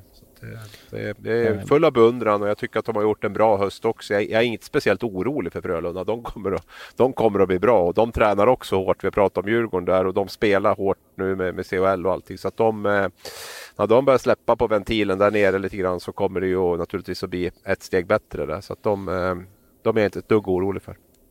Den som jag trodde var, skulle vara, inte slut känns fel, men kanske passerat Zenit då var ju Simon Hjalmarsson då. Men nu har 30-åringen nu har han studsat upp och gör sin bästa säsong sedan han gjorde Eh, hur många poäng var han hamnade, hamnade på i Linköping? 57 poäng var den säsongen. Mm. Han är uppe faktiskt 10 plus ja. 10 på 24 matcher. Hittade ju kemi med Ryan Lash redan förra året egentligen och den har ju fortsatt i år. Lash har väl bytt ut Joel Lundqvist lite grann som, som eh, lekkamrat till, till Hjalmarsson. Nu är Hjalmarsson som, som ofta står och, och smackar i dem. Det är ju, jag tror att det är en stor anledning att de två trivs väldigt bra ihop och det tror jag, det tror jag har eh, gjort mycket till att, att det går så bra för Hjalmarsson. Målvaktssidan, Mattsson, Rubin. Ja men jag tänker fortsätta på Hjalmar. Okay, jag tycker okay. han, han, spelar lite småfult också. Han börjar liksom lite på, alltså lite på motståndare lite grann och där och tjafsa lite grann. Men ska man inte göra det? Är det inte ett jo, sätt att bli påslagen? Absolut och det, det, har jag inte riktigt sett från honom de senaste säsongerna på samma sätt. Även förra, förra året i, i slutspelet så såg jag lite tendenser, men jag, har sett mer och mer av det i år också. Det är någonting som jag gillar liksom, i, i det här, liksom, att han står upp för sina med, medkamrater och, och sådana grejer också. Så att, nej, jag, nej, jag gillar också Simon, sättet han spelar på just nu. Och målvaktssidan så är det väl, uh, ja. Rubin Mattsson. Rubin säger de har imponerat. Det är kanske för att man inte förväntas lika mycket av honom.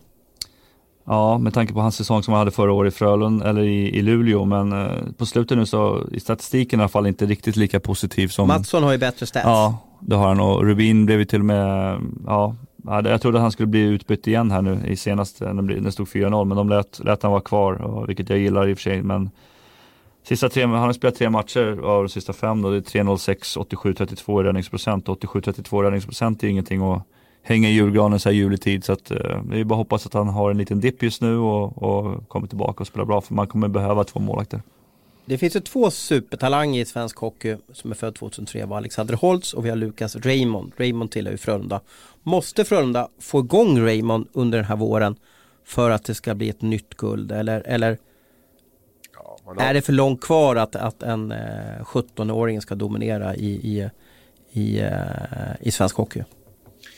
Jag tror att man har, han har väl inte fått någon riktig, riktig chans att spela in sig i laget så heller. Frölunda har ju en enorm bredd på forwardsidan där och har väl, ja, har väl tyckt att han inte har varit tillräckligt bra för att, för att slå ut de 12 som spelar och då har man inte tagit så stor hänsyn till om man är 17 eller 27 utan eh, det har ju varit diskussioner runt eh, behandlingen av Raymond och hur mycket han ska spela och inte spela och sådär. Så att jag, jag tror nog att, jag tror inte Frölunda känner att de är beroende av, av, av Raymond för då har de nog gjort mera, mer försök att verkligen spela in honom.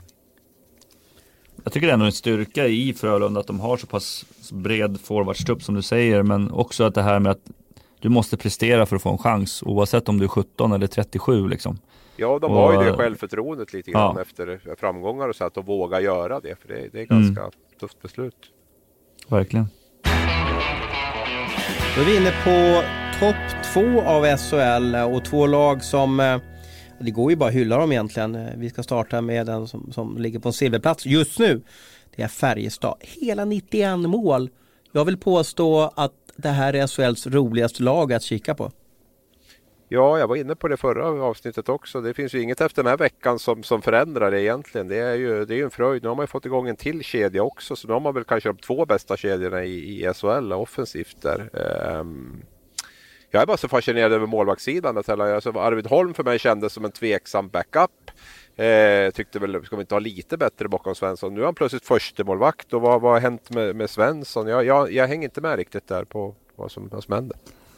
Nej, och det var väl lite det som vi var inne på tidigare också när vi pratade om fast också. Är, är det så att eh, åldern börjar komma ikapp? Eh, Mackan spelar ju väldigt liksom eh, väldigt fysiskt krävande för, för sin kropp. Liksom. Han är väldigt långt ut i, liksom, i positionen, benen rakt ut och splitt och, och sådana grejer. Så han, det är väldigt krävande spelstil som han har. Han har precis blivit pappa, eh, så det, det, är mycket grejer som har hänt Eh, i hans liv. Och, och, med, och med Arvid så, så vet jag också att han eh, jobbar hårt och han är noggrann och jag tycker att jag såg en match ganska tidigt eh, när han var på Hovet här och såg att det är nog, jag skulle inte vara förvånad om han tog över här efter årets slut liksom. Och nu har han visat det på slutet när han spelar bättre. Men alltså ger de Mackan, Marcus Svensson, en lugn höst här nu så han får bli pappa i lugn och ro, han får läka kroppen och sen är det han som de kommer att gå med liksom, i slutet. Eller är Arvid Holm som du ser en, en potentiell guldmålvakt? Ja, alltså jag, jag tycker att han spelar riktigt, riktigt bra när han spelar. Men sen är det ju så, jag menar, när det väl kommer till slutspel så handlar det ju mer om att, att, att bara rädda puckar utan du ska ju liksom den här mentala biten att vara beredd att spela varannan dag hela tiden med, med resande och, och sådana grejer. Så att, eh, jag tycker inte att det är en dum idé att låta han spela så mycket som möjligt, Arvid då, så mycket som möjligt här på, på, på hösten och in till, in till slutspelet också. Och sen matcha in Mackan lite mer på slutet då och se om han kan ta det hela vägen. Men jag skulle inte vara förvånad om, om Arvid tar, tar hela grejen och spelar hela vägen heller. Vad tycker du är störst skräll Abris? Är det Albert Johanssons backspel eller är det att eh, Lillis Nilsson leder SHLs poängliga? Vad ska jag säga där egentligen? Ja, det, är väl, det är väl större egentligen att, att Lillis Nilsson leder poängligan måste jag säga. Även om han hade en bra avslutning på förra säsongen. Albert Johansson har ju sett som en väldigt, väldigt lovande back. Nu, nu visste man väl inte riktigt med konkurrensen där i Färjestad på backsidan hur, hur mycket speltid han skulle få. Men han var ju så bra redan under försäsongen så att det sände ju signaler om att han kommer nog att spela på, på, på sex backar här och det har han gjort. Men eh, mm. det, det är ju en kille som som det har pratats mycket om. Absolut. Så att, eh, Han spelar med Blam också, ganska tacksamt att ha en veteranback vid sin sida. Ja precis, nej men det, det, det, det här är ju, det är ju en kille som kommer och det, hade inte konkurrensen varit så hård på backsidan så hade han väl kanske varit med i JVM-truppen också. Det skulle jag väl tro. Men den här, den här årskullen är ju, som är med i år är ju något helt i hästväg så att det, det, det fällde väl honom där. Nej men de har de gör mycket bra i, i Karlstad, det, det, kan vi bara konstatera. Och det är som du säger väldigt rolig ishockey. Väldigt, alltså, det, de har väldigt många offensiva vapen. Uh, sen får vi se, de får ihop det med alla bitar som krävs för att gå till, till SM-guldet. Vi pratade i lördags i vår podd i uh, Gävle om att det är så viktigt att ha leading line. Då var det att Brynäs saknade en leading line. Men, men Färjestad har ju nästan två leading line och har alltså fyra spelare på topp 10 poängligan. Eh, jag har alltid känt så att en leading line ibland i ett slutspel att de viker ner sig, att de blir bortplockade när man möter samma lag flera gånger. Att det går att sätta in vinthundarna mot de här tuffingarna. Eller de här duktiga poängkungarna. Ja men så är det ju absolut. Det är ju därför de ofta försvinner. Om man, en, en leading line är ju ofta bra i en grundserie där man inte matchar så hårt eh, lagen man möter och sådär. Men i slutspel så är det ju oftast, eh, håller det Absolut inte i de flesta fall. Ehm, så därför är det väldigt bra att ha två eller till och med tre kedjor som kan producera. Nu har ju Färjestad två riktigt bra första kedjor så att det, det, det är väl väldigt bra att ha i ett slutspel och det är ju inte, det är inte kattskit bakom de här sex spelarna forwards heller utan det finns ju en del kvalitet där också med Martin Johansson och Viksten och den här Latta som har kommit in och mm. varit grymt bra och en härlig kille. Och eh, jag som la ut någon tweet om att han eh, fick, jag fick en rapport om att det var, en, det här var helt oduglig. Har ju fått äta upp det här eh, väldigt många gånger om. Alltså, för det här verkar vara något, han har slagit ner som en bomb tror jag i Karlstad bara. Alla bara så älskar honom. glädjen i omklädningsrummet uppe ja, i Luleå när, han, när Latta gick och wrestlades, eller alltså brottades med, med halva ja. laget då? Kan ju tänka dig skillnaden där med Ville Leskinen som satt och surade hela tiden liksom, ja. och få in den här killen. Ja. Men hur viktigt är det Tällan att du har en kille som, först så babblar han hela tiden, han driver med sig själv inför de andra och så sitter han och pratar med alla. De är visst 20 tysta värmlänningar, typ i det här laget och så kommer den här killen in och bara pratar hela tiden. Vad ger det för effekt i omklädningsrummet och varför blir man bättre som hockeylag? Att ha en cowboy med det. Det gäller ju att ha kul också när man spelar. Jag, menar, jag, jag älskar den här tacklingen som han delar ut på, nu kommer jag inte ihåg vilken Luleå-spelare det var, men han skickade ju han från blå linjen upp till röd linjen nästan. Var det inte ja, det? Ja, det var som en truck som flyttade en spelare. Ja, ja det var mer truckförflyttning. Ja, det var, han tog upp han och kastade han som en diskus nästan rakt, rakt igenom en väldigt kul stötning och rakt upp till röd linjen, så det var jäkligt häftigt. Men det är ju här Vem som var det? Åh, kan vi inte... Ja, jag har ju sett Giffen. Det är helt still ja, i huvudet nu. Men jag kan väl försöka ja, och jag kan ta upp Luleås laguppställning. Jag kan prata på lite Ja, prata på det. Ja, ja, nej men alltså det är ju en sån här spelare som, som Färjestad har saknat. Ja, ja, tycker jag. Ja. Alltså slutspelsmässigt. Men blir man inte ha... trött på om det sitter en jänkare där eller, eller nordamerikan och bara sitter och babblar hela tiden. Fast det inte är så oerhört duktig hockeyspelare.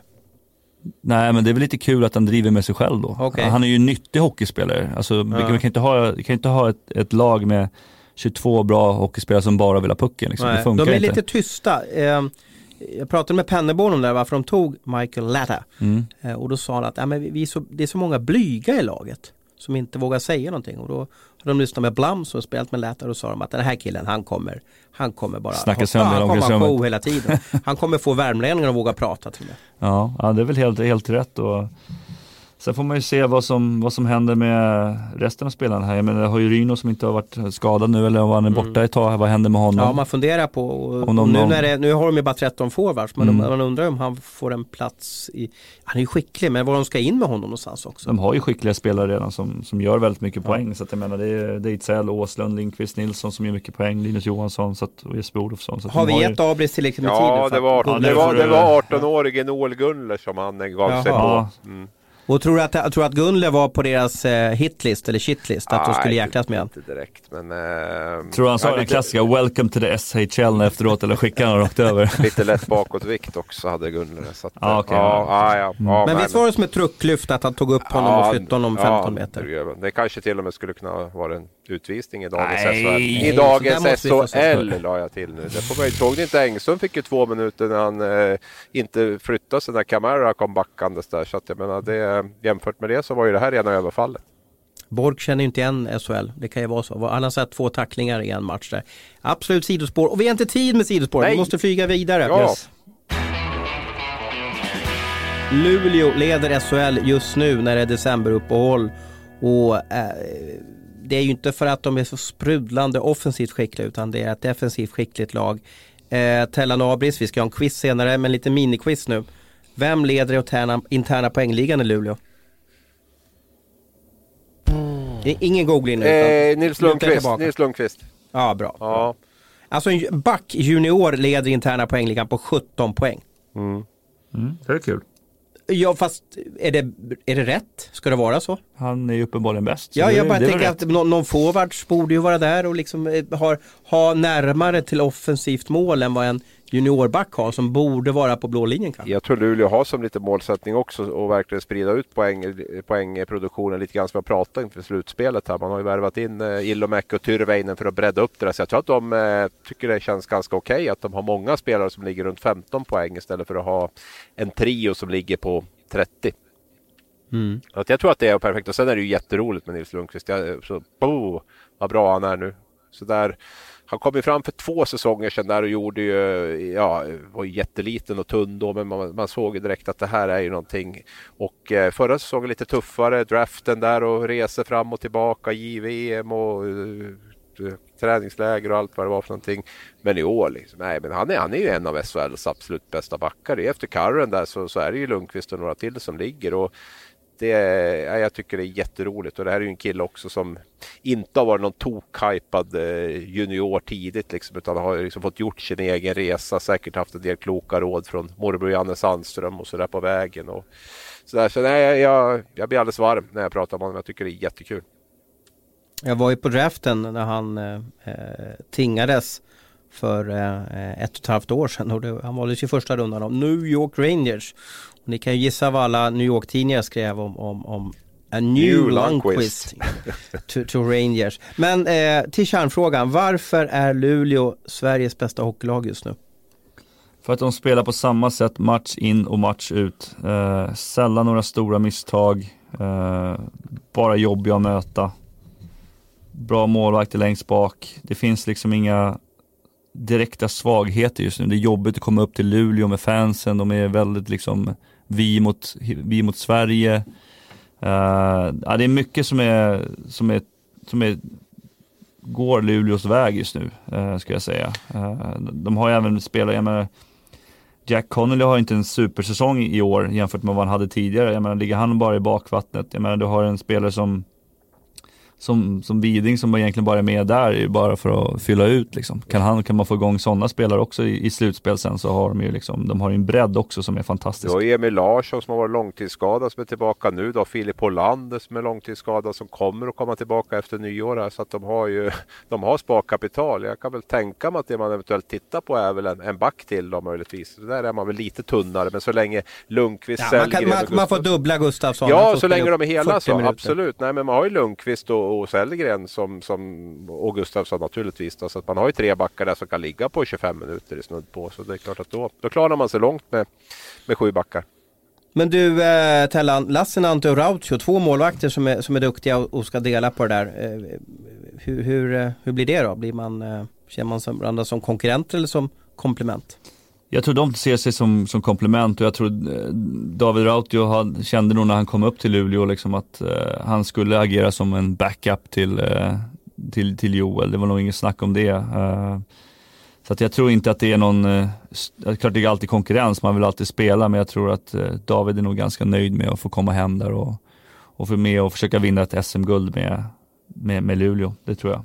Det är väl två av de mest ödmjuka och snälla målvakter jag i alla fall har träffat under min SHL-tid. Så att jag tror definitivt inte, jag tror att de gör det tillsammans faktiskt och eh, har gjort det otroligt bra så här långt. Fyra mål på sju matcher tror jag de hade inför det här raset som man får kalla det med Luleå då med, med fyra insläppta mot Färjestad. Före det tror jag man släppte in fyra mål på sju matcher så att det är otroligt imponerande.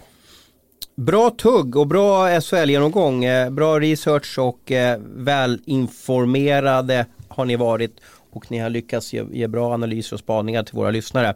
Eh, innan vi avrundar så måste vi ha en quiz.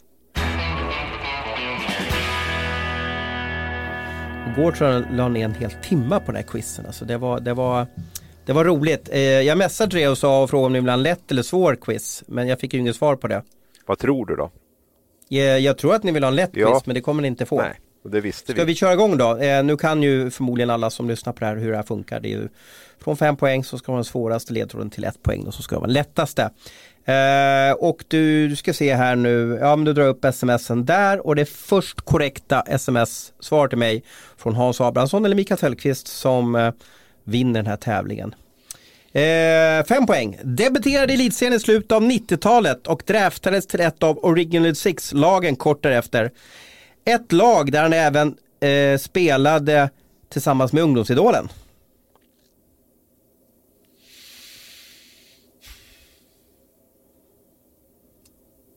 Nej, pass. Eh, googlar du Tellan eller? Nej. Nej, du satt och höll på Ja, ja, ja, jag vet, jag håller på att skriva. Okej, fyra poäng. Har representerat Sverige i SM, VM och, eh, fel, har spelat SM, VM och OS innan han har skridskorna på hyllan. En karriär som lika väl eh, kunnat utebli om den vi eftersöker valt att fortsätta med fotbollen.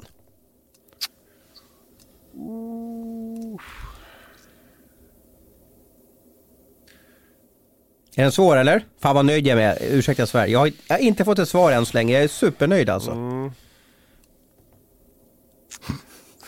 fotboll. Boll.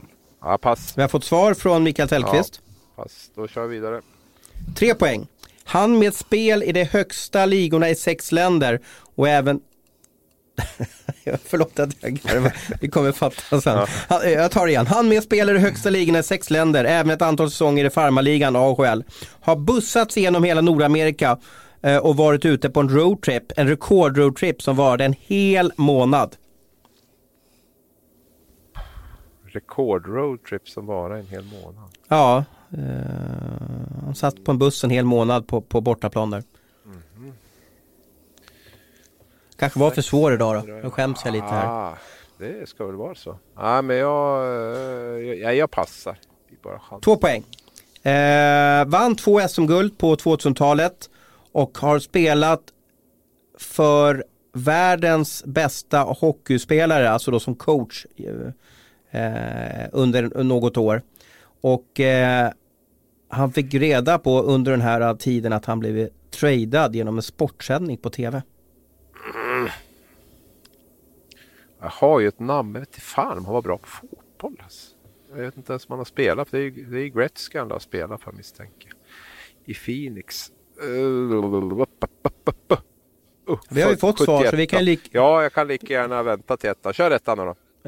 Eh, vaktade Djurgårdens målbur säsongen 90 eh, Vaktade Djurgårdens målbur 99 till 01 och är välkänd för en speciell Stålmansräddning i Djurgårdskretsar. Även om eh, den eh, målchansen berodde på eget slarv från början. Herregud. Ja, det, Det blir lite ju- roligt nu det här. Fan, alltså. Sex, Du måste ju sex lämna ett svar, så- ja. annars så tror jag faktiskt att du blir eh, diskad om du inte lämnar ja, svar. Ja, ja, det här är ju jättepinsamt. Usch. Alltså jag... Eh, fan, jag, jag är helt... Vill ska jag återupprepa någonting eller? För jag är lite förvånad att du inte kan det här. Ja. Det blir lite konstigt allt. Ja, det blir konstig stämning nu kan jag säga. Ja, det blir det. det, blir det. Alltså, slutet på 90-talet, det måste ju vara tidigt 70 eller slutet, alltså min, min ålder någonting där. Eh, Tänk, tänk slutet 70-talet ska jag säga. Han debuterade i elitserien i slutet av 90-talet. Ja, just i slutet av 90-talet. Nej, vi har ju räknat 10 år fel. Ja. Shit. Oj, oj, oj. Oj, oj, oj. Målvakt i Djurgården. Målvakt i Djurgården 99 till 01. Ja, då har vi fått ett svar från Hans alltså, Abrahamsson ja, på jag måste ju lära mig matte först. Ja. Jag lär mig, lära mig matte, vet du. Det är ju, Ja. det jag ju på Och har fått och två Niklas korrekt, korrekt svar. Vi fick eh, eh, Mikael Tellqvist från Mikael Tellqvist på, på eh, trepoängsnivån var det. Vilket Och vi fick eh. Mikael Tellqvist av eh, Ha- Hans Abrahamsson på ettpoängsnivån. Vet du vem som har hjälpt mig med det här Tellan?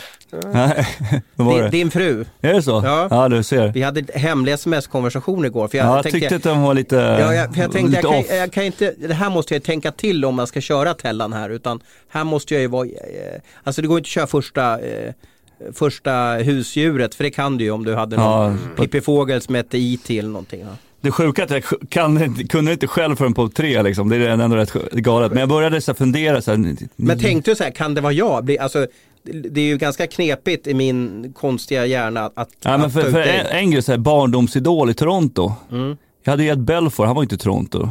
Var det inte det? Nej, så det var därför jag reagerade. Aha, Det var frugans fel. Okej. Ja, ska hem och säga åt henne. tänkte jag. Aha, då vilseledde jag lite det. Ja, det var där som jag tappade. Men sen när jag kom in på fyra poängsgrejen då började jag liksom, oh shit, det kanske är jag. Nu försöker de göra någon rolig grej här som Mm. avslutningsgrej för, inför liksom. Ja, så är Ja, det det. var ju Mm. tur att ni hjälpte mig på rätt spår i alla fall. Men annars har jag ju inte tagit på ett poäng heller. För jag var ju inne på... Jag var ju inne på... jag räknade fel på 89 och 90, eller slutet på 80-talet och slutet på 90-talet. där. Det var ju skickligt gjort. Men det, blir, det är tufft när man sitter i den här. Alltså, Ja. Fan, man blir ju helt koko i huvudet.